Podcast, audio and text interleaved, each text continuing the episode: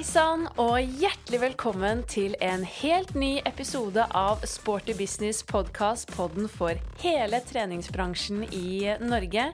Jeg som skravler heter Eva Katrine, og jeg gleder meg skikkelig til å dele en ny episode med deg i bransjen som enten er PT, instruktør, leder, drifter av et senter, kanskje resepsjonist, eller kanskje du bare trener på et av våre sentre i verdens beste bransje.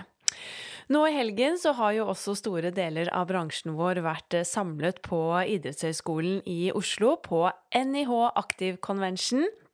Veldig gøy. Nok et år. NIH Convention har jo virkelig blitt et sånn høydepunkt i løpet av året. Og sammen med Team Inspartum så hadde jeg gleden av å presentere to timer. Og også presentere Somamo sammen med Silje Torstensen. Og det var skikkelig stas. Fantastisk stemning, så jeg må bare si tusen hjertelig takk til NIH Aktiv, som gir oss muligheten til å spre treningsglede og kunnskap om gruppe gruppetrening på deres arena. Og tusen hjertelig takk til alle dere som også var til stede, og som virkelig skapte magisk energi i salen, og som tok dere tid til en fin gruppetrenings- eller bransjeprat i pausene. Det setter jeg virkelig stor pris på. Og så eh, viste jo også vi i Inspartum frem eh, et av de nye gruppetreningskonseptene til det vi nå har lansert, nemlig Rock the Room by Inspartum. Cosmo Core Strength and Movement var den gruppetimen som Pia Eliassen og jeg holdt på NIH Aktiv.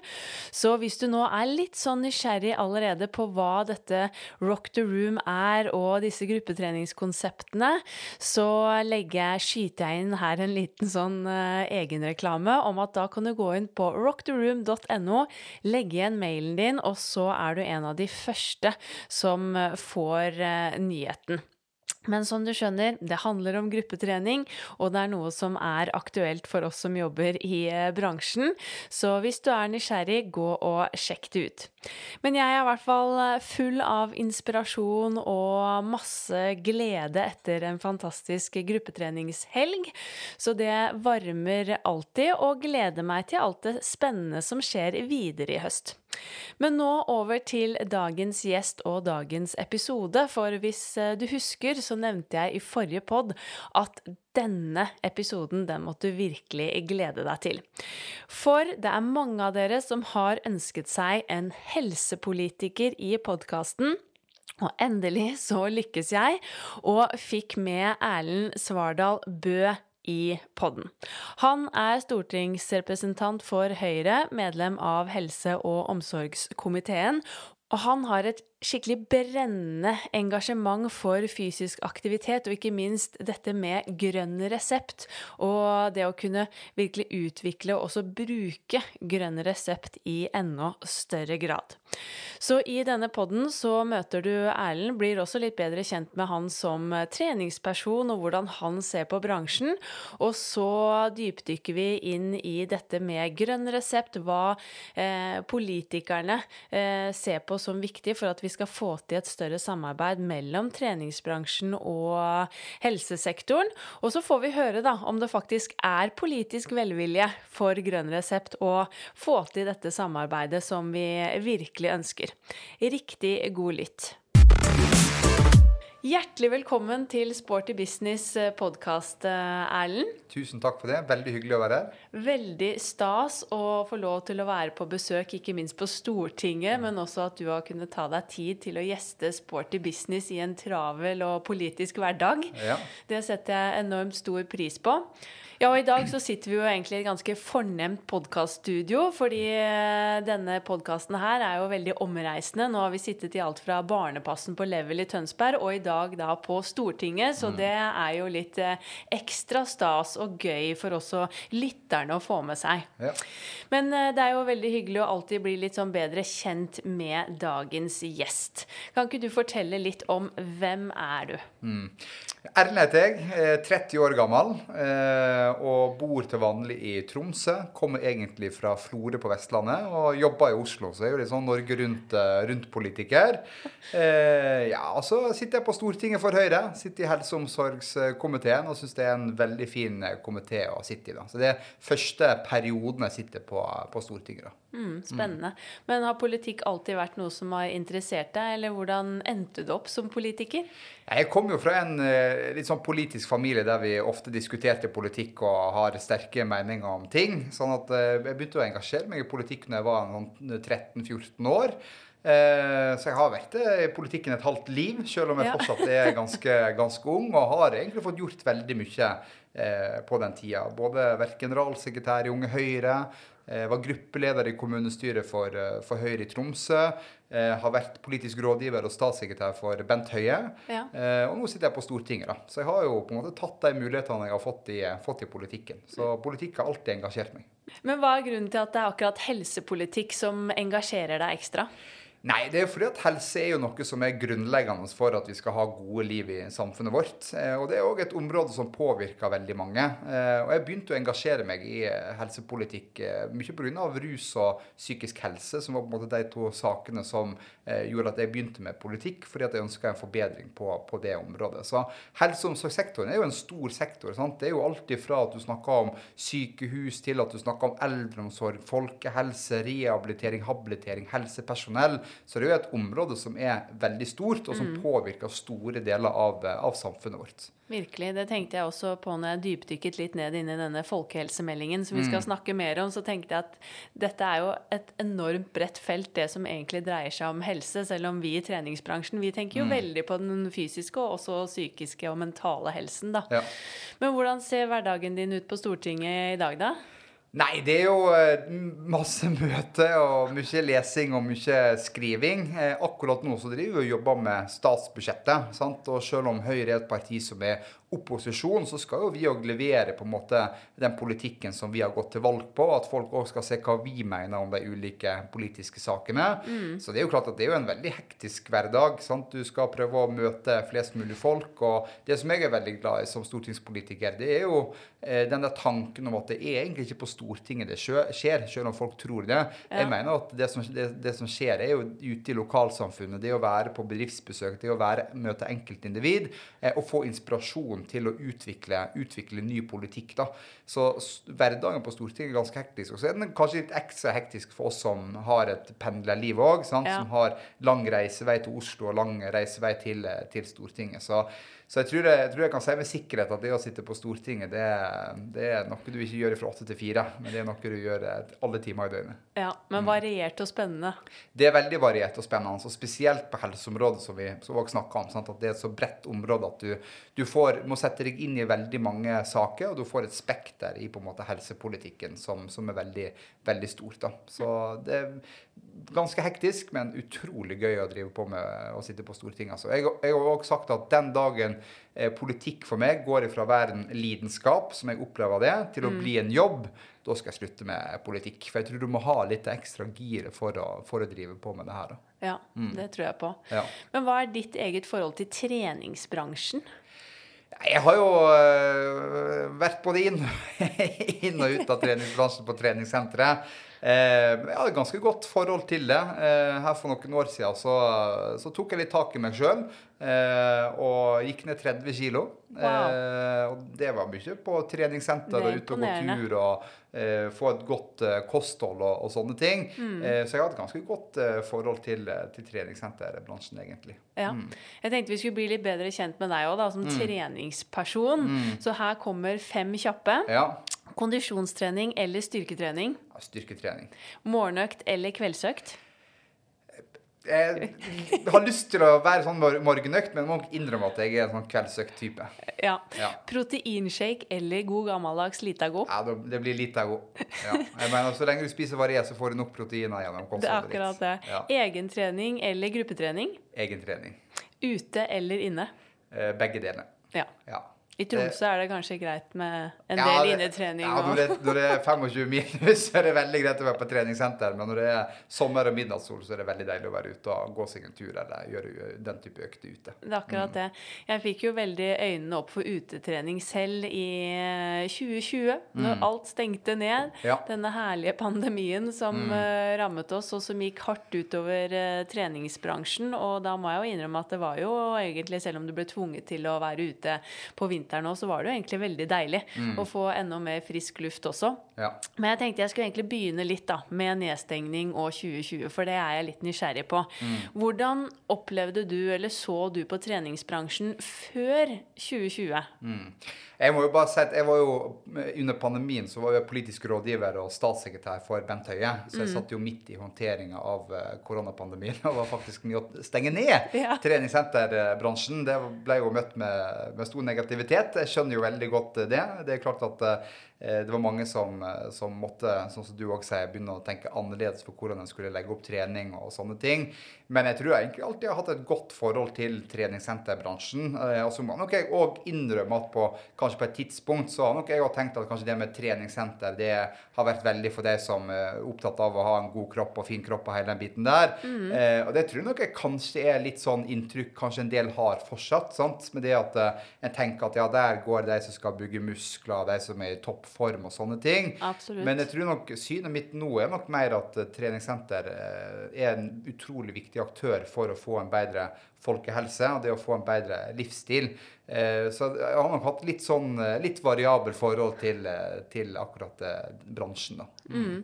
Men uh, tror du det har endret seg nå i etterkant av uh, pandemien? Hvordan både kanskje du selv, men også andre politikere opplever å se på treningsbransjen som aktør for folkehelsearbeidet? Ja, det tror jeg absolutt. Altså, det er jo klart at når vi fikk pandemien og når vi fikk covid-19, så er det klart at hvilken livsstil du har og hvilken helse du har, har jo òg en innvirkning på hvor immun eller hvor godt du responderer til den type virus. Så det er jo klart at uh, det at folk er i god form, går turer, er i aktivitet, det bidrar jo kanskje òg til å ta ned terskelen for, for den type sykdommer òg. Så jeg tenker at det er òg et perspektiv som jeg tror har kommet inn i større grad etter etter pandemien. At en ser at det å være i god form, det kan òg påvirke hvor immun eller hvor godt du håndterer den type sykdom, eller andre typer sykdommer òg, da. Så, så det vil jeg si at det har kanskje endra seg litt mer. Og så eh, ser jo jeg òg, når jeg er på Sats i Tromsø f.eks., og er der og er på tredemølle eller løfter noen vekter, så er jo det fantastisk å komme inn der og se òg seniorer som trener sammen og drikker kaffe sammen etterpå. Ja. Det er jo klart at det gjør jo òg til at det får òg en sosial dimensjon rundt trening, som jeg tror er kjempeviktig for å ta ned terskelen for at folk òg skal komme mer i, mer i aktivitet. Da. Mm. Og som du nevnte, så ble jo ikke denne nedstengningen tatt veldig godt imot. Vi var jo de første som ble stengt ned, og de siste som åpnet opp. Ja. Eh, sånn at mm, veldig mange av oss i bransjen, vi følte jo ikke at vi ble sett, eller hvilket tilbud vi hadde. Men samtidig så var jo egentlig hele den, altså pandemien og nedstengningen, en øyeåpner for treningsbransjen. Med tanke på å få på plass Vi fikk jo etter hvert på plass eh, denne smittevernstandarden. Ja. Men ta tak i eh, standardiseringer. Vi ser Mm. at vi må profesjonalisere oss i høyere grad. Mm. Så jeg på mange måter, selv om vi var frustrerte i den perioden, eh, så tror jeg også at det har kommet veldig mye positivt ut av det. Mm. På en måte, med tanke på hvilken retning treningsbransjen nå har gått i etterkant. Ja. Og det har skjedd ganske mye spennende. Og jeg ser jo bare òg på altså, øh, bare også den, sånn, den standarden du nevner, sant? det at en skulle òg vaske på en måte vekten og sånt etterpå. Eh, det var jo, handla på det tidspunktet om hygiene, sant? å unngå på en måte smitte mellom folk. Men det er jo noe som henger igjen òg etter pandemien. Ja. Så jeg tror det har blitt mer sånn bedre hygienetiltak òg på treningssentrene. Så jeg tror bare det er positivt eh, positivt år. Så det er jo mange sånne ting som ble satt inn av tiltak under pandemien, som nå på en måte lever òg etterpå. da. Ja, og jeg tror mange av oss også i bransjen forsto hvordan vi i større grad ble sett på utenifra. Som vi kanskje ikke hadde oppfattet eh, før vi stengte ned, som man også har lært mye av. Ja. Og man ser man må gjøre noe med også kommunikasjonen utad videre. videre. For vi i treningsbransjen vi ønsker jo å være en folkehelseaktør og en arena der alle kan finne glede i trening og fysisk aktivitet. Eh, Og hvordan syns du, du, eller syns du at vi mestrer den jobben i dag? Jeg syns det er mestra bra. altså Bare ta det eksempelet jeg nettopp nevnte, da, med seniorer som går og trener på treningssenter og som er sosiale etterpå. Det er klart at det har jo både en fysisk dimensjon med at du kommer i bedre form, men òg en sosial dimensjon som handler om det som handler om psykisk uhelse og det å forebygge ensomhet. Så jeg mener det at treningssenterbransjen kan ta en større og tar en rolle allerede i dag på mm. det som handler om å sikre bedre, bedre folkehelse i, i samfunnet vårt. da. Mm. Mm. I folkehelsemeldingen mm. det, som ble publisert tidligere i år, så presenterte jo da regjeringen den samlede innsatsen for å fremme både folkehelse og god livskvalitet i befolkningen. Og der står det jo at regjeringen vil gi økt prioritet til helsepolitikken. Og mm. det gleder jo mitt uh, hjerte. Men kan ikke du fortelle litt om hva de legger i det, og en litt sånn oppsummering av hovedbudskapet i denne folkehelsemeldingen?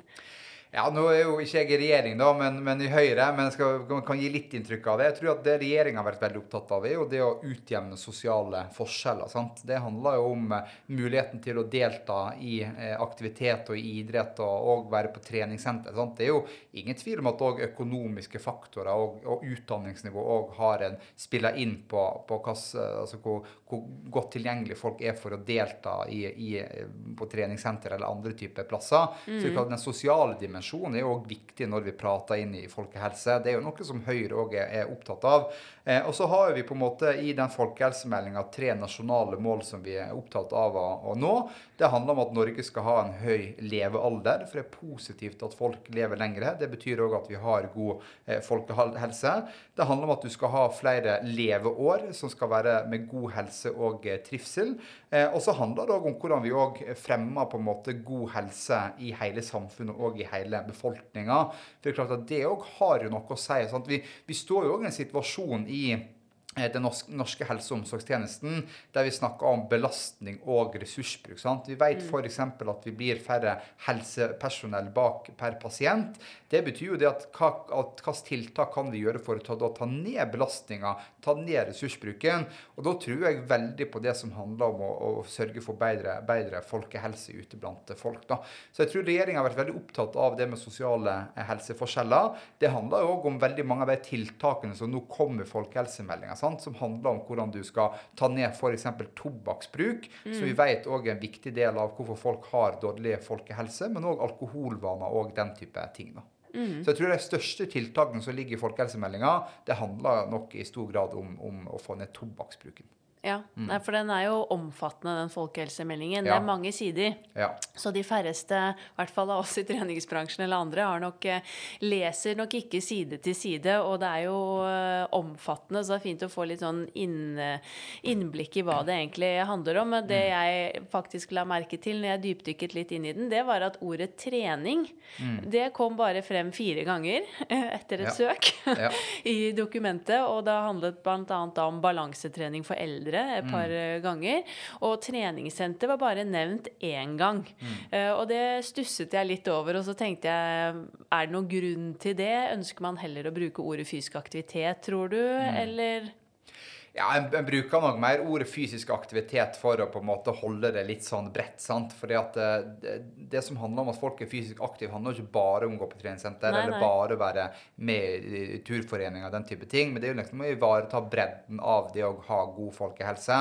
Sånn, god, det å fremme god folkehelse kan like godt handle om å legge til rette for eh, turstier i kommunene, som at det handler om at folk får tilgang til å være på et treningssenter. Ja. Så jeg tror, nok, jeg tror ikke det handler om at en nødvendigvis hadde agg imot treningssenterbransjen bransjen. Men jeg tror det handler mer om å ivareta bredden innenfor det her. fordi at Det handler, altså det viktigste er uansett at folk er i aktivitet, og at mm. det fremmer på en måte god god helse. da. Så det handler ikke på en måte om å peke på én aktør, tror jeg, men det handler om å ivareta bredden innenfor, innenfor feltet. da. Ja, mm. absolutt. Som du nevnte, så står det jo i folkehelsemeldingen dette med at uh, egentlig den største prioriteringen er å utjevne sosiale helseforskjeller, mm. uh, og at uh, det er den strategien som de egentlig beskriver. men vet du hva regjeringen velger å liksom fokusere på utover dette med tobakksbruk og alkohol, for å på en måte jobbe med disse og utjevne de sosiale sosiale forskjellene? Nei, jeg, jeg tror jeg, klart Det handler jo liksom jeg sa i sted, om det å legge til rette for at folk kan være i aktivitet. og Det handler òg om en del økonomiske faktorer. sant? Og Det handler om å ha uh, ulike ordninger ute som bidrar til at folk kan være aktive. Jeg husker bare for å trekke fram litt av det som Høyre gjennomførte når vi satt i regjering. da.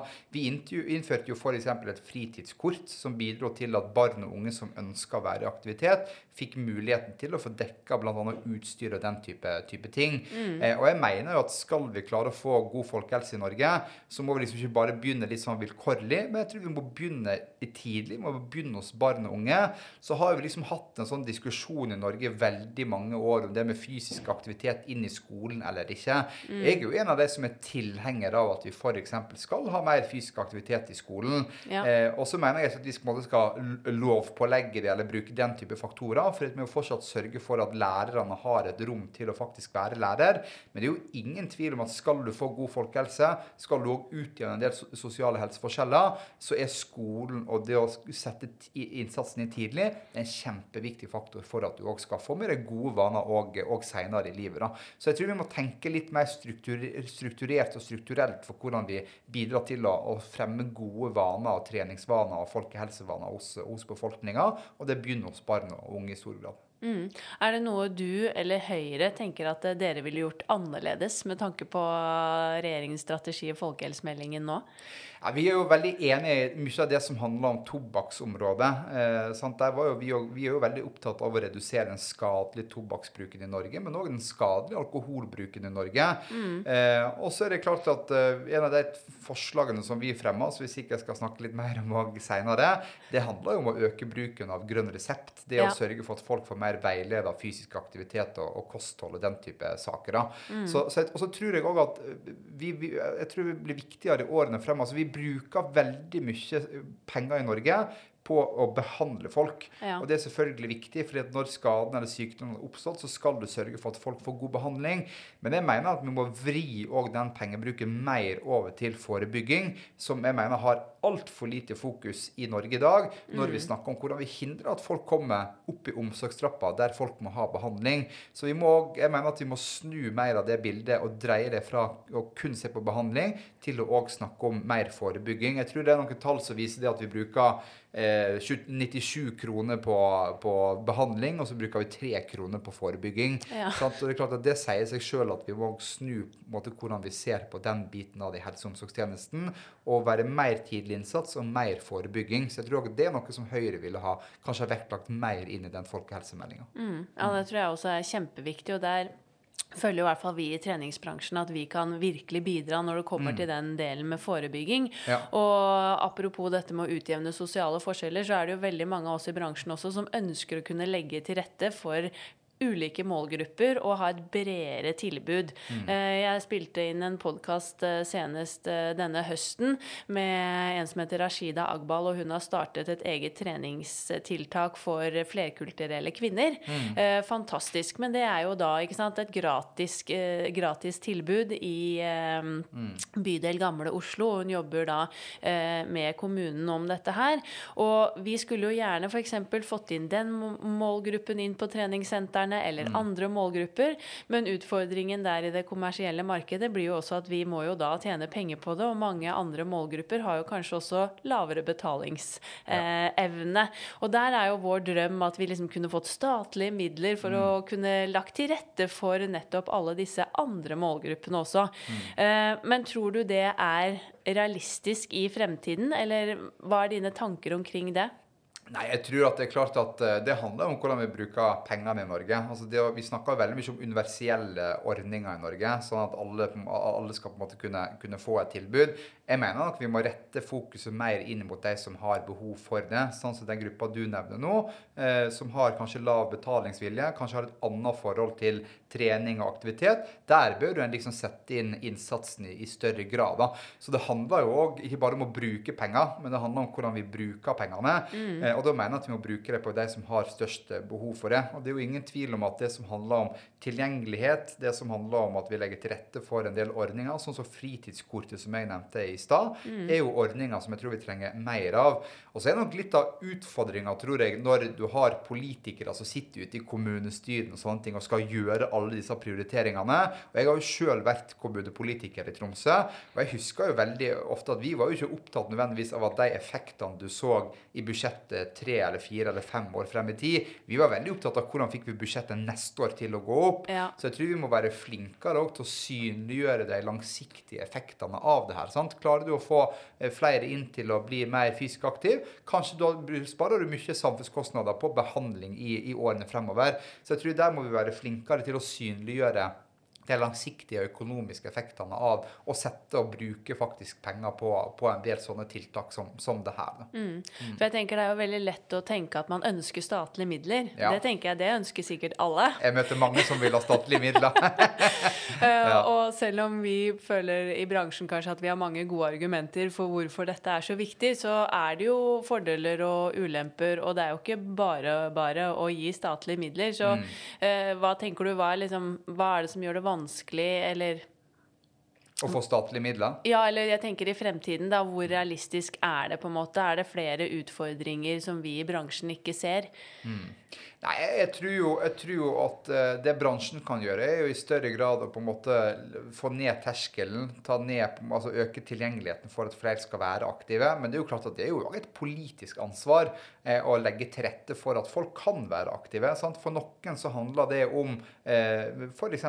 økonomisk betalingsevne og den type ting. Da må mm. vi sørge for at vi har ordninger som bidrar til at folk òg kan være i aktivitet og fysisk aktivitet på lik linje med, med andre.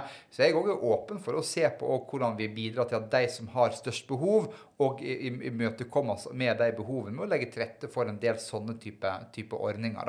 Mm. Og Det er jo litt tilbake igjen til, til det som handler om måte, grønn resept, og, og, hvordan du på en måte kan henvises fra legen til andre eh, profesjoner og sånne ting, er jo noe som kan, kan bidra til, til, akkurat det. Mm. Mm. Ja, og, og, trening er jo også fritatt moms. Jeg tenker Vi har jo allerede fått en fordel der, men det tror jeg det er mange som kanskje glemmer litt. Mm. Ja, det er det. Nå så vi at Skatteutvalget kom jo med et forslag om å innføre 25% moms ja. på trening. Mm. Og det må jeg bare si rett ut at jeg er veldig imot. Fordi at hvis vi mener noe med å fremme god folkehelse, hvis vi mener noe med at du skal få flere til å bli i aktivitet, så er ikke svaret å legge på en ny økonomisk belastning på, på den gruppa. Så det syns jeg blir helt feil. Mm. Så har ikke vi diskutert det i mitt parti, men det er i hvert fall mitt personlige og tydelige standpunkt på akkurat den, den saken. Ja, mm. Mm. Nei, det kan jeg si meg enig i. Ja. Men et annet lite spørsmål eh, angående denne folkehelsemeldingen. For noe annet som er veldig i vinden om dagen, det er jo kvinnehelse og mer mm. fokus på kvinnehelse. Og det så jeg også var nevnt i også tidlige oppsummeringen av folkehelsemeldingen. Mm. Eh, men i hvor stor grad eh, prioriteres det? Kjenner du til det? Jeg syns det prioriteres i altfor liten grad. Eh, altså en av, de, en av, de, tingene vi i Høyre gjorde når vi satt i regjering, det var jo vi som satte i gang den NOU-en, den store forskjellen, og fikk Kvinnehelseutvalget til å legge fram sin rapport. Mm. Og De viste jo noe som vi egentlig har visst lenge, at det er forskjell på menn og kvinner eh, når du snakker om helse. Ja. Tegnet på hjerteinfarkt f.eks. er helt annerledes hos kvinner enn hos menn. Ja. Eh, og det er klart at Hvis du møter en helse- og omsorgstjeneste som ikke er klar over det for, de forskjellene, det er klart at da får du forskjeller mellom eh, menn sin helse og kvinner sin helse. Så jeg mener jo at eh, kvinnehelse er for lite vektlagt i eh, folkehelsemeldinga. Eh, og der har jo vi i Høyre tatt veldig klart og tydelig til orde for eh, at det hjelper ikke på en måte å snakke om kvinnehelse der og litt der og litt der og i ulike rapporter og sånne ting. Nei. Det vi trenger, vi trenger en stortingsmelding om kvinnehelse som følger opp Kvinnehelseutvalget, som kommer til Stortinget, sånn at vi kan gjøre gjøre tydelige prioriteringer for hvordan vi skal eh, løfte kvinnehelse i årene fremover. Og Det var jo noe vi foreslo på Stortinget nå før sommeren, at vi skal ha en egen stortingsmelding om kvinnehelse. Ja. Det er jo noe som har blitt nedstemt av bl.a. regjeringspartiene eh, på, på, Stortinget. Det syns jeg er veldig dumt, fordi det er forskjell på, på menns helse og, og kvinners helse. Så jeg syns nok at kvinnehelse vektlegges for lite i, eh, i folkehelsemeldinga. Mm. Ja, og vi vet jo at det gjøres altfor mye forskning også på mm. menn mm. og ikke kvinner, ja, som, uh, ja, ja. som, gjør uh, Eller som er en utfordring. Så um, det gleder meg å høre, og så håper mm. jeg virkelig at vi får til det i fremtiden med enda mer fokus på det. Ja. Men i folkehelsemeldingen så står det jo også da at Norge har sluttet seg til Verdens helseorganisasjons mål om å redusere tallet på personer som dør tidlig av det de da definerer som ikke-smittsomme sykdommer. Eh, og det ønsker vi å redusere med en tredjedel innen 2030. Og WHO definerer jo da hjerte-karsykdommer, kreft, diabetes, kroniske luftveissykdommer, psykiske lidelser som disse da ikke-smittsomme sykdommene. Og her tenker jeg at det er jo veldokumentert at eh, fysisk aktivitet og trening forebygger for flere av disse ikke-smittsomme sykdommene. Og der kommer vi jo inn på dette med grønn resept og vår drøm i bransjen om grønn resept. Ja. Og jeg tenker at det burde jo da stå høyt på den politiske agendaen. Eh, men gjør det det? Ja, men jeg kunne nok ha stått enda høyere opp. Eh, og jeg husker jo i november i fjor eh, så tok jeg et initiativ her på Stortinget til et innspillsmøte om hvordan vi kunne øke bruken av grønn resept. Eh, og da kommer det veldig mange aktører, òg fra treningssenterbransjen, som kommer veldig gode innspill til hvordan vi kunne øke den bruken. Mm. og en av de forslagene som er fremma i folkehelsemeldinga for Høyre, eh, var jo nettopp at vi, skal, at vi skal be regjeringa om å øke bruken av grønn resept, men òg at vi skal utrede nye oppfølgingsmodeller for grønn resept, som f.eks. handler om mer veileda fysisk aktivitet og kosthold. Eh, og jeg var veldig glad for at, eh, at jeg fikk gjennomslag for det forslaget, som jeg tror faktisk, hvis det følges opp på en god nok måte fra regjeringa, kan være et litt sånn tidsskille for hvordan vi på en måte jobber med folkehelse i, i Norge. Jeg husker jo f.eks. når jeg satte i gang og skulle liksom komme i aktivitet og skulle gå ned disse 30 kiloene mine, Ja. sant, så satt jeg på Google og søkte treningsprogram eller bedre kosthold og sånne ting. Og så kan du gå deg helt vill i den jungelen. sant? For du får jo vite at det er bra, det er bra, det er ikke bra, det er ikke bra. sant? Du, det er helt umulig. Så det er klart, det å legge til rette for at flere kan få veiledet aktivitet, få bedre veiledet kosthold, det har jeg virkelig troa på kan bidra til å øke eh, på en måte folkehelsa i Norge og bygge ned veldig mange av de ikke-smittsomme sykdommene. Eh, og det er klart at det kan òg bidra til å, å ta ned eh, belastninger vi ser hos fastlegene. Eh, Og det er jo en av de tingene som Helsepersonellkommisjonen påpeker, er jo at vi må bli flinkere til i helsetjenesten, det er mer oppgavedeling. Så jeg er veldig åpen for eh, å se på hvordan òg treningssenterbransjen kan bidra på en måte inn i det. Det er klart at Treningssenterbransjen sitter på masse kunnskap, masse erfaring om fysisk aktivitet og kosthold. Eh, og jeg syns det er helt meningsløst at vi ikke skal bruke den kunnskapen inn i arbeidet med å få bedre folkehelse. Så jeg er veldig glad vi fikk gjennom det forslaget som, som Høyre fremma, eh, men jeg er veldig spent på hvordan regjeringa følger, følger det opp. da. Men hvordan ser sånn rent praktisk ut øh, grønn resept i dag? Altså hva er det, sånn dere ser for dere det nå? Nei, altså Grønn resept er jo ikke en ny ordning. sant? Det er jo en ordning som kom tilbake igjen i 2003. Mm. Forrige, gang, eller, eh, forrige gang Høyre faktisk satt i, satt i regjering. Ja. Eh, Så det er et sånt mønster at når vi sitter i regjering med Høyre, så blir det, er det grønn resept. Men det er jo ikke en ny ordning i den forstand. Eh? Det er jo en ordning der du f.eks. går til eh, fastlegen din med livsstilsutfordringer, eh, og så skriver den eh, fastlegen ut en resept, og så kan du f.eks. gå til en frisklivssentral eller sånne ting for å få hjelp enten med å slutte å røyke eller komme i mer aktivitet eller få bedre, bedre kosthold. Ja. Så det er jo på en måte ordninga i dag, da. Men poenget vårt og poenget til Høyre det er jo det at vi, at vi ønsker å få til flere insentiv for at fastlegene skal skrive ut grønn resept. sant? At ikke svaret alltid blir å sette noen på en sprøyte eller sette noen på en medisin, men at òg livsstilsaktivitet som det her òg kan gi veldig gode effekter, som du òg sier er veldig veldokumentert. Og så handler det òg om at for Høyre sin del så vil vi åpne opp for eh, å ta i bruk flere eh, profesjoner, nettopp for å få til den oppgavedelinga som vi her, her prater om. da. Så for vår del handler det om å se på litt andre måter for hvordan vi kan innrette det her, for at flere skal få eh, tilgjengelighet til trening, at flere skal kunne få ned terskelen for å begynne i aktivitet. Men det handler om hvordan vi rigger samfunnet vårt til å, til å klare det på en god måte. Eh, og da har jeg troa på å øke bruken av grønn resept, men òg det å få til mer veileda fysisk aktivitet og kosthold. Eh, og vi har jo òg inkludert kosthold i det, fordi at det hjelper jo veldig lite at jeg går på et treningssenter og løper på ei mølle og, og, og drar Ja, ja. Noen vekt, Jeg blir kanskje litt sterkere av det. Men hvis jeg går tilbake på sofaen min og spiser en pizza til middag og kaster hjem noe smågodt på kvelden, så er jo liksom vinninga litt oppi, oppi spinninga. Eh, så det er klart at du må ha fokus både på å legge til rette for god fysisk aktivitet, men òg et godt og variert kosthold er veldig viktig i det. Så der har vi sett at det å, å f.eks. få inn flere kliniske ernæringsfysiologer, eh, det å kanskje profesjonalisere og treningsutdannelsen i større grad, det kan være gode virkemidler for å få til det. da. Mm.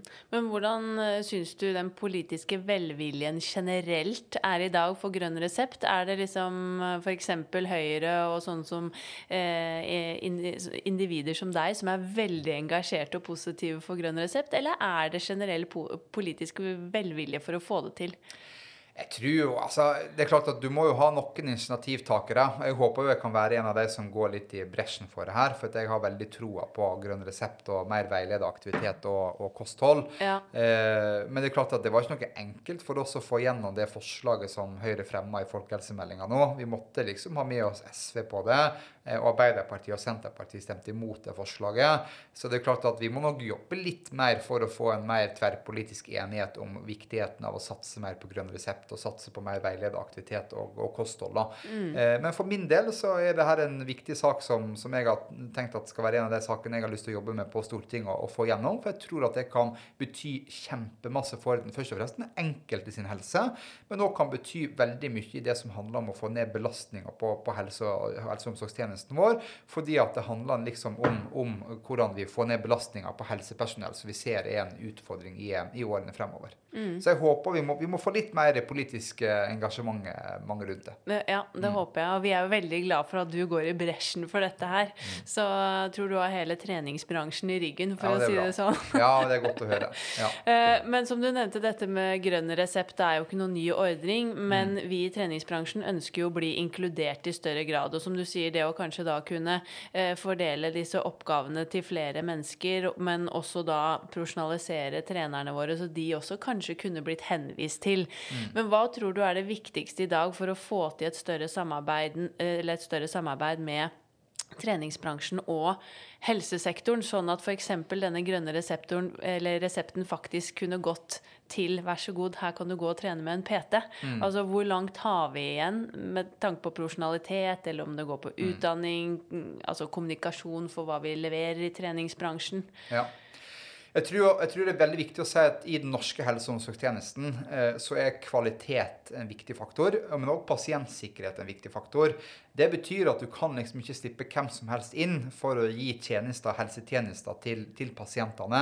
Sant? Hvis du tar utgangspunkt i at det er en viktig faktor, så handler jo det òg om hvordan vi profesjonaliserer treningssenterbransjen. Mm. Og det handler om at da må helse- og omsorgstjenesten kunne stille noen større krav til f.eks. treningssentrene for hvem som skal få muligheten til å være en del av en sånn ordning med grønn resept. Hvem skal kunne gi veileder fysisk aktivitet og, og kosthold. Mm. Eh, og da tror jeg vi beveger oss i en retning som, som du òg prater veldig mye i den podkasten her og om ellers, hvordan vi får opp profesjonaliteten i treningssenterbransjen. Eh, så det er klart at en vil nok måtte imøtegå en del flere krav fra helsetjenesten, nettopp for å ivareta en høy kvalitet, men òg for å ivareta pasientsikkerheten på en, på en, god måte. Men jeg tror jo det at det forslaget som vi nå har fått gjennom med å øke bruken av grønn resept, mer veiledet aktivitet og kosthold, det kan være et viktig skritt for å få mer dialog og få mer samarbeid mellom helsemyndighetene og helse- og omsorgstjenesten, men òg treningssenterbransjen, for å se på ok, hvordan kan vi bruke hverandres kunnskap kunnskap og erfaring til det beste for pasienten. Det er jo det som på en måte må være utgangspunktet i, i det arbeidet her, her framover. Så jeg har veldig troa på det. Skal, jeg har tatt et nytt initiativ til et nytt innspillsmøte på Stortinget den eh, mandag 13.11. Ja. for å nettopp se på hvordan vi i praksis skal kunne innrette grønn resept, og hvordan vi i praksis skal kunne ha mer veiledet aktivitet og, og kosthold. Eh, og Der kommer vi til å invitere masse ulike aktører. Alt fra Aktivitetsalliansen, Den norske turforening, til ulike aktører innenfor treningssenterbransjen. For vi må spille på, på hverandre til, til, det beste for, for folkehelsa. Mm. Men har dere kommet så langt at dere har begynt å se på ok, hva skal til for at eh, vi kunne ha henvist til en PT eller mm. sendt dem på et treningssenter med tanke på liksom rene krav til alt fra utdanning til mm. eventuell standard på senter? Senteret. Er man kommet så langt i prosessen, eller er man ikke der ennå? Nei, nå ligger jo på en måte ballen litt hos regjeringa. Stortinget har vedtatt at vi skal øke bruken av grønn resept. Stortinget har vedtatt at vi skal ha mer nye oppfølgingsmodeller til veiledet aktivitet og kosthold. Så da er det regjeringa som må si at OK, sånn tenker vi at det kan se ut. Så ballen ligger jo akkurat nå litt hos regjeringa. Ja. Jeg er jo litt sånn bekymra for at regjeringa er litt passive til det forslaget, fordi at de sjøl stemte imot det forslaget i Stortinget. Eh, så er jo jeg en type som, som ikke holder meg i ro. Og det er òg grunnen til at jeg inviterte det innspillsmøtet. For jeg tenkte at i mellomtida, mens regjeringa utreder, så kan vi òg bruke tida vår på å se på akkurat de tingene du tar opp. sant? Ja. Eh, hvordan skal vi innrette det her? Eh, kan vi se på eh, mer formelle utdanningskrav når du kommer til å bli personlig trener eller treningsveileder eller sånne ting?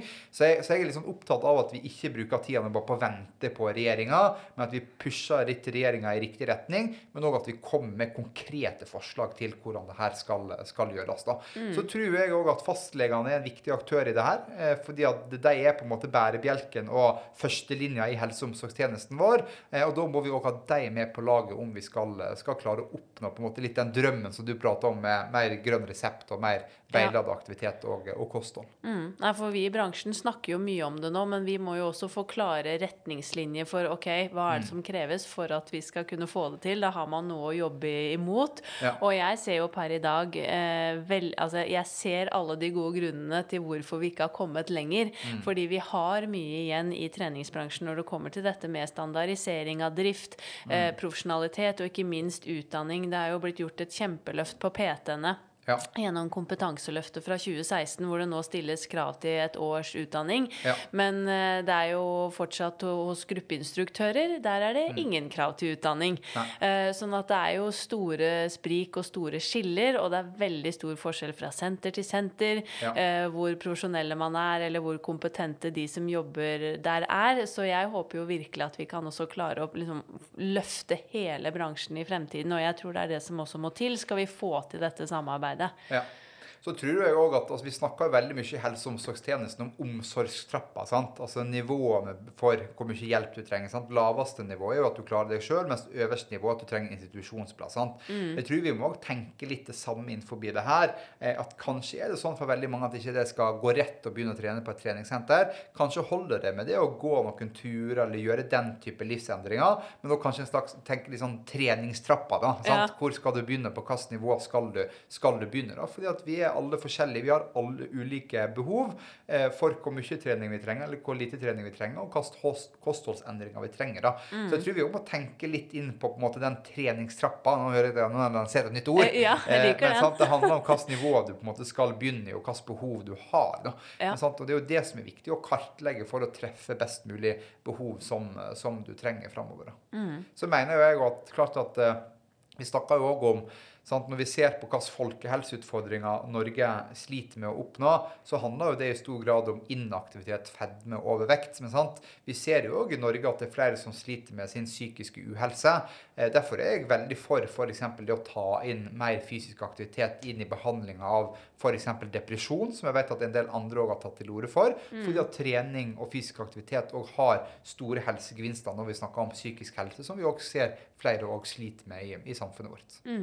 Men hva tenker du skal til for at vi virkelig klarer å få flere i aktivitet? For det er jo det store spørsmålet vi stiller oss i treningsbransjen. For det er jo så mange som ikke oppfyller kravene til nok aktivitet. Så vi har jo egentlig en enorm mulighet til å nå ut til flere. Men vi i bransjen sliter jo med å rekruttere nye medlemmer og få nye mennesker inn på sentrene. Ja. Jeg tror det handler, om, det handler ikke bare om én ting, altså det handler om mange ting. Jeg tror Den første tingen handler om tilgjengelighet. Sant? At folk har eh, muligheten til å kunne være aktiv. Sant? Og det handler gjennom om f.eks. Eh, økonomiske ting. Eh, sant? At du har kanskje ikke den samme betalingsevnen. Da må du legge til rette for at de som ikke har det, òg får den, den muligheten. Eh, og så handler det òg om at en òg kan levere altså Folk har ulike behov. sant? Noen trenger f.eks. en personlig trener. Andre ønsker på en måte å ha en digital veiledning. sant? Det ser jo en òg at eh, flere ønsker det. Så det er klart det er jo noe med hvordan du ivaretar variasjon i disse, disse tingene. Eh, og jeg tror at for mange så er det òg på en måte viljen til å få til livsstilsendring. Når jeg gikk ned 30 kg, så hadde jeg ingen personlig trener som hjalp meg med det. Jeg gjorde Nei. på en måte de endringene sjøl, da. Men det var jo fordi at jeg hadde en veldig vilje til å få det til. Eh, så, så folk har ulike behov, da. Så det er jo noe med tror jeg, å legge til rette for tilgjengeligheten. Og så tror jeg òg Igjen snakker jeg mye om seniorene mine som jeg ser på eh, Sats i Tromsø. Men sant, å legge til rette for at det å gå på et treningssenter, det er ikke bare å løpe på ei mølle eller bare å løfte vekter, men at du òg legger til rette for at det òg kan være en sosial arena. da, sant? Fordi at du har ulike grupper som, som går på et, eh, på et trenings, treningssenter. da. Ja, virkelig. Men uh, hvilke andre insentiv er det Høyre tenker kunne vært aktuelt for å få enda flere eh, aktive? Nei, jeg tror det, tror det handler om eh, økonomisk insentiv. Eh, det handler om det med, med, å få mer veiledning. Sant? For veldig mange er det vanskelig å vite hvor du skal begynne. Nå visste jo f.eks. jeg hvor jeg skulle begynne, men det var fordi jeg hadde trent mye i ungdommen og den type ting. Ja. Så mener jeg òg at eh, fysisk aktivitet i, i skolen og, og, tidlig er viktig. At du har fritidskort så barn og unge kan delta i aktiviteter. Så jeg tenker at det er liksom ikke ett stort grep, men det er Nei. veldig mange grep du er nødt til å gjøre. Og så må du gjøre det i ulike faser av, eh, av livet da, for ja. å ta ned på en måte terskelen. Og som sagt så må du òg tenke litt der. Sant? Alderstrappa. sant? Det blir mye trapper. Omsorgstrappa, treningstrappa, alderstrapp. Ja. Det handler liksom om at tidlig må du skape gode vaner for at den skal være aktiv. Så handler det òg om å legge til rette når du blir litt eldre, om å ha tilgjengeligheten og de økonomiske forutsetningene for å kunne være aktiv og, delta i, i, i trening og fysisk aktivitet. Mm. mm. Hva tenker du om dette med skattelette da, for de som uh, trener? Det er jo noe en har gjort i Sverige. Uh, at du bl.a. får fradrag på skatten din hvis du har et treningsabonnement eller du er engasjert i et eller annet. Ja. Så jeg er åpen for å se på, på den type virkemiddel. Eh, og så er det litt tilbake til den diskusjonen vi hadde i stad med statlige midler og sånne ting. Eh, jeg merka liksom at det er en litt sånn politisk eh, trend om dagen, sant? i hvert fall, i, hvert fall i, i, vårt parti, om at en skal liksom ikke bidra til å øke utgiftene i statsbudsjettet, men også bidra til å få inn inntektene. Ja, ja. Det er jo helt riktig. Men det er jo det som er litt min sånn kampsak, at vi òg må være flinke til å ikke bare se på hva kostnadene vil være i dag, men òg hvordan vi kan høste gevinstene òg seinere. Ja. Eh, og der tror jeg òg en har en større potensial for å vise de langsiktige gevinstene med å satse mer på folkehelse, satse mer på trening og mer fysisk fysisk aktivitet. For det er ingen tvil om at er folk i bedre form, er, har folk bedre, bedre folkehelse, så er òg veien til behandling og institusjon og, og lengre, lengre, unna. Mm. Så, så, det er noe med å, tydeliggjøre gevinstene, helsegevinstene av å være i mer aktivitet. Da. Der ja. må vi bli flinkere, tror jeg. Mm. Mm. Ja, og vi vet jo at det ville spare samfunnet for masse, masse ja. hvis vi kunne ha redusert sykemeldinger og som du ja. sier, behandlinger og gjort folk eh, friskere. Men det blir jo litt som noen ganger når jeg har mine gruppetimer, og så prøver jeg liksom å si til folk at uh, nå har vi investert i helsa. Altså, mange mm. ganger så tenker jeg på at liksom, etter i dag så lever vi litt lenger. Altså det å kunne ha et langt og lykkelig og sunt liv er jo i hvert fall for meg veldig motiverende. Men samtidig så er jo det også noe som blir fryktelig langt unna for folk. Mm. Så jeg skjønner jo at det er mange som ikke klarer å motivere seg fordi at eh, ja, men jeg skal være sunn og sprek når jeg er 80, og i ja. dag er jeg 25. Ja. Så det går jo litt på det samme som dere i politikken. Det å ikke liksom kunne se den direkte effekten med en gang, men mm. faktisk kunne se hva er det vi kan få til på sikt. Og det ja. er jo selvfølgelig en utfordring. Ja, mm. ja det er jo en dreie litt sånn fokus vi har hatt om at vi bruker veldig mye penger på behandling. Og det skal vi fortsatt gjøre, for folk som er syke og som har utfordringer, skal få den best mulige hjelpa med høy kvalitet i Norge. Ja. Men det handler litt om å få inn mer det der tidlig innsatsperspektivet og mer forebygging. Nettopp for å unngå at folk skal på en måte komme, komme dit. Og der mener jeg at fokus må endres fullstendig skal vi få en mer bærekraftig helse- og omsorgstjeneste i årene, årene fremover. Mm. Hvor realistisk tror du det er å få til den uh, helomvendingen med å fokusere mer på forebygging? Vi har jo ikke klart det så langt. Eh, så det er klart at det er en vei å, vei å, gå. Men da må en faktisk tørre å ta en del sånne radikale grep av og til. Eh, og tørre å på en måte lansere nye forslag som, eh, som kanskje koster litt, men som har en stor effekt i det lange løp. Da. Og Det er jo grunnen til at jeg er veldig opptatt av det med grønn resept. Veldig opptatt av det med mer nye oppfølgingsmodeller modeller, som veileder aktivitet og kosthold. For jeg tror at det å gjøre det mer tilgjengelig, det kan bidra til at folk faktisk tar mer tak for å endre livsstil, men òg at du får en bedre, bedre folkehelse. Da. Så jeg tror det vil nok ta litt mer tid til å klare den dreininga. Ja. Fordi at igjen, helse- og omsorgstjenesten er massiv. Det er masse folk som bruker den. Enten du er ansatt, du er pasient eller du er pårørende, mm. så, så, er det veldig mange som forholder seg til helse- og omsorgstjenesten. Og det å snu det skipet det er tøft, og det kommer til å ta tid. Ja. Eh, men da trenger vi på en måte alltid å minne oss på viktigheten av, av forebygging og mer og bedre folkehelse. Så, så, jeg er ikke en som kommer til å gi meg på det med grønn resept og, og nye oppfølgingsmodeller. For jeg har virkelig troa på at klarer vi å gjøre de endringene, ja, så kan det bidra til at vi tar ned belastning og ressursbruken i helse- og omsorgstjenesten. Mm, ja, det er godt å høre. Men hvis du kunne skissere et sånn drømmescenario da, for ja. folkehelsen, eller også da med tanke på samarbeid mellom ulike aktører for fremtiden. Hvordan ville det sett ut? Ja, det er tøft. Ja, stort spørsmål. Eh, jeg tror det at en kan bidra til at færre dør, eh, og at færre får dårligere folk, eller, liv på sykdommer som vi kan forebygge hvis vi gjør det på en måte nok. da. Det tror jeg vil være et sånn drømmescenario. For det er jo masse sykdommer i dag. Vi vet at vi kan eh, forebygge. Mm. Vi vet at vi kan gjøre noe med det. Men vi gjør ikke nok for å bidra til det. Nei. Så det ville på en måte vært mitt litt sånn drømmescenario. At vi, vi klarte å få en, eh, en befolkning som som eh, kom i bedre form og som fikk bedre helse. fordi at det ville ha gitt mindre belastning på helse- og omsorgstjenesten. Og det ville jo først og fremst gitt den enkelte et bedre liv. Eh, fordi at det å være i aktivitet, det, det, gir god folkehelse. Det er enkel og god forskning som, som viser det. Ja, det er jo eh, nettopp det. Ja. Helt klart. Men um og det det, er jo, det, det er, jo, meningsløst at vi ikke forebygger bedre. Igjen, ikke smittsomme sykdommer, så vi kan gjøre noe med det. Jeg kjenner jeg blir litt sånn frustrert av akkurat det. Ja, mm. Men mens vi nå venter på denne utviklingen omkring mm. grønn resept, og før man får noe klarere kanskje svar eller retningslinjer for hva skal til for at treningsbransjen blir inkludert i større grad? Hvilke liksom råd eller tips eller tanker kan du gi til oss i treningsbransjen som vi kan gjøre i mellomtiden for å bli litt råere, for å bli en mer profesjonell aktør? Nei, det handler vel egentlig det du sa sist der. Det å bidra til hvordan jeg kan heve profesjonaliteten rundt treningssenterbransjen. Det tror jeg det er kanskje det viktigste. Sant? Hvilke krav en stiller til de som er instruktører, de som er personlige trenere.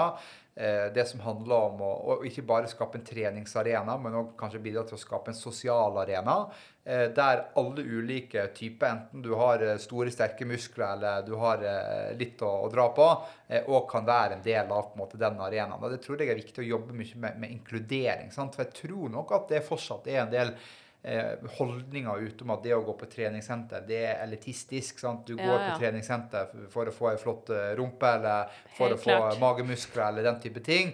Men sannheten er jo at det er jo et, en plass for å skape god helse for seg sjøl. Mm. Eh, jeg skjønner jo òg Jeg husker veldig godt Jeg har jo vært en del ute og snakka om de livsstilsendringene jeg har gjort. Eh, og det var veldig sånn eh, rørende. For da var det en, en, kar som kom bort til meg. Da sto jeg på tredemølla. Eh, og så kom han bort og sa det at ja, Han hadde lest at jeg hadde gått så ned. Eh, og det var grunnen til at han hadde begynt å gå på, på treningssenter. Ja. Eh, og han var veldig stor eh, og, og syntes at det var kjempeubehagelig å komme inn der, ikke vite hvor du skal, skal begynne. Sant? Du går rundt der rundt masse folk med flott kropp og hele den biten der. Mm. Så det er klart at jeg tror, jeg tror, mange fortsatt føler litt på at trening, det å gå på treningssenter er litt sånn, eh, litt sånn kroppspress rundt det. da, eh, At Absolutt. det kanskje fortsatt er litt elitistisk. Så det å jobbe med å ta ned den terskelen inkludere folk, få folk til å føle et behag med å gå på treningssenter, det tror jeg er en kjempeviktig faktor for at treningssenterbransjen skal bli en mer sånn folkehelsearena for, eh, for folk ute. da. Mm. Men hvordan opplever du eh, kommunikasjonen til treningsbransjen i dag? Eller hvis du har fått med deg litt i sosiale medier, på en mm. måte? Eller hvor skadelig eventuelt opplever du hvordan vi kommuniserer om oss selv? Eh, eller ja, hvordan er det? Nei, Jeg syns jo kommunikasjonen har blitt litt bedre. Det mm. syns jeg. Når jeg sto på tredemølla i, i Tromsø her for noen uker siden og så en sånn eh, kanskje gjengi den reklamen. Det var Sats som hadde en bra sånn reklame om at uh, treningssenteret var fallende. Ja. Så det er klart, jeg syns kommunikasjonen har på en måte blitt, uh, blitt, bedre. da.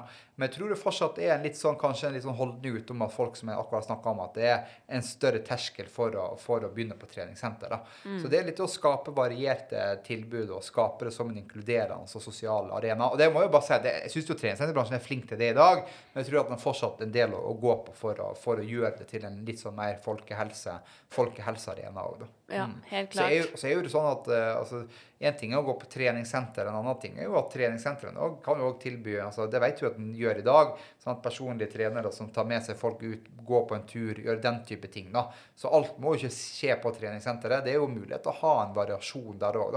Mm. Eh, og legge til rette for det òg i en, en større, større grad. da. Helt klart. Mm. Og det, for oss så handler det jo bare å, å snakke mer om det og bli råere på kommunikasjon i stor grad, tror jeg. fordi at eh, i dag så har vi jo et så variert tilbud, som du sier. Alt fra vi er i Atletica, hvor jeg jobber blant annet, så har vi hatt gåtimer ute.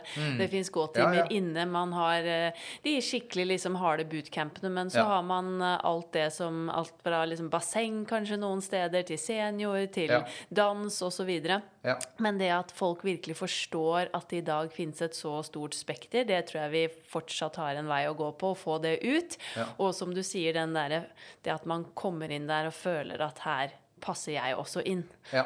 Uavhengig av hvilket eh, utgangspunkt man har, eller hvor mye erfaring man har med trening. Ja. Mm. Så er det òg mulig å gjøre seg mer tilgjengelig. Også, vi vet jo at Den plassen der det er min mest inaktivitet og mest stille sitting, det er jo i arbeidslivet. sant? Jeg bare, jeg sitter på kontoret nå, eller bare når vi sitter her, så blir det mye stille sitting foran PC-ene og sånne ting. da. Ja. Og der tror jeg òg Først, altså først og fremst arbeidsgiverne kan gjøre mer for å legge til rette på, for trening og aktivitet på arbeidsplassen. Men at også kanskje treningssenterbransjen kan invitere seg mer ut på en måte og inn på arbeidsplassene. Altså Jeg syns det har vært helt fantastisk. Og vi hadde hatt noen som hadde kommet fra SATS eller fra EVO eller et eller annet på Stortinget her, Ja. eh, og hatt eh, 15 minutter med en eller annen kort enk enkel trening. Det hadde helt fantastisk. sant? Så det er jo litt sånn hvordan du gjør òg i trening mer tilgjengelig ute i ulike livssituasjoner eller, eller ulike hverdagssituasjoner ute i, i samfunnet. Ja. Så vi har en, liksom en jobb å gjøre. Sant? Det er jo mange som trener på, på fritida, og det er jo kjempebra. Men det òg kan legge til rette for mer trening i arbeidstida. Det er jo jeg òg mer altså, for. Ja. Eh, selv om jeg mener at det var en diskusjon for noen uker siden om du skulle pålegge eh, trening i arbeidstida. Det er jeg imot. Fordi at jeg mener det at du må ikke ta ved gulrøttene folk har for å være aktiv òg. Nei. Jeg husker jo veldig godt når jeg gikk på, på barneskolen. Det beste jeg visste, det var sånn at ah, nå skal vi lese i uken, nå skal vi lese den boka. altså Det bidrar ikke til min leseglede å bli tvunget på med Ja, en bok som jeg skulle lese. Det gjorde tvert imot eh, at jeg fikk liksom det, det litt vekk. da. Så, og det er klart, Jeg trodde det ville vært samme effekten her. Hadde du pålagt folk å være i aktivitet, eh, så hadde det tatt ned motivasjonen. Kanskje for noen hadde det bidratt til at du fikk opp et lys, eh, men jeg tror vi må legge til rette for insentiv som, som er positive, og som legger til rette for gulrøttene framfor, framfor for da. Ja. Mm. Jeg som kommer fra motivasjonspsykologien, vet jo også at det fins veldig mye god forskning som bygger opp om eh, viktigheten av autonomi. Mm. Ja. Og følelsen av at du gjør noe av egen fri vilje. Så jeg tror også at det kunne kanskje ha virket mot sin hensikt, i hvert Ja. fall i det lange løp. Ja, det tror jeg Eh, også. helt klart. Men Ja. eh, det burde dere jo fått til her på Stortinget. Ja, nå kan du begynne å komme her en gang i uka. ja. jeg skal få med meg folk, jeg. Hør vært Jan Tore og Ja, ja. Få deg til å bli med. Det hadde vært gøy. Ja. Men vi skal begynne å runde av, og så må jeg jo da spørre deg også helt til slutt. Eh, har du noen tips til hvem du selv kunne ønske å høre i Sporty business? Eh, oh, jeg liker veldig godt eh, han åh, Yngvar Andersen. Ja. Har du hatt han med? Nei, han har ikke vært med ennå. Han syns jeg er helt fantastisk. Jeg, Ja. har jo, eh, jeg var jo på en debatt med han på Arendalsuka nå. og skal lete lenge etter en fyr som snakker så engasjert om eh, aktivitet og det å ta ned terskelen for trening og sånne ting. Han, eh, så han eh, burde ha invitert inn. Ja. Han er jo òg fra, fra Vestlandet, så Ikke det sant? passer jo veldig godt. Men han, han er veldig sansen for, for han gjør trening og aktivitet på en veldig folkelig måte. At det blir liksom Virkelig. enkelt for folk å, å være med. Da. Jeg tror vi trenger òg flere, flere sånne. altså. ja, men eh, Kjempegodt eh, tips, og det skal jeg ta med meg videre. Ja. Tusen hjertelig, hjertelig takk for at du tok deg tid. Det var en eh, kjempefin, lærerik og ikke minst inspirerende prat som jeg vet at lytterne våre kommer til å sette enormt stor pris på. Og vi heier på Grønn resept, og vi heier på deg. Det var flere som sa til meg at når jeg skulle ha med deg i poden, så de bare Å, vi håper han blir helseminister. Det er veldig hyggelig. Så jeg kjenner i hvert fall mange som heier på deg. Ja. Så tusen hjertelig takk. Veldig hyggelig å være med. Tusen takk for at du lyttet til nok en episode, og jeg håper at dette var skikkelig spennende og interessant, og at du vil være med på laget videre og hjelpe til med å løfte hele bransjen og profesjonaliteten i bransjen, sånn at vi kan oppnå drømmen vår om eh, grønn resept i større grad og et enda større fokus på forebyggende helsearbeid i eh, fremtiden, der vi som både instruktører, PT-er, alle som jobber i bransjen, kan få en enda viktigere rolle. Husk å følge oss i sosiale medier på Sporty Business podkast på Instagram, og bli gjerne med i gruppen vår på Facebook, også med samme navn, Sporty Business. Vi poddes igjen om nøyaktig to uker, og så vil jeg også bare minne om Inspartum Boost Convention på Atletica Domus 18 november i Oslo. En dag fylt med trening for verdens beste bransje. Så der håper jeg vi sees. Gå inn på inspartum.no for mer informasjon. Ønsker deg en strålende og sporty uke videre, og så gleder jeg meg til vi poddes igjen. Ha det bra. Denne podkasten produseres av Inspartum Akademi og Adler.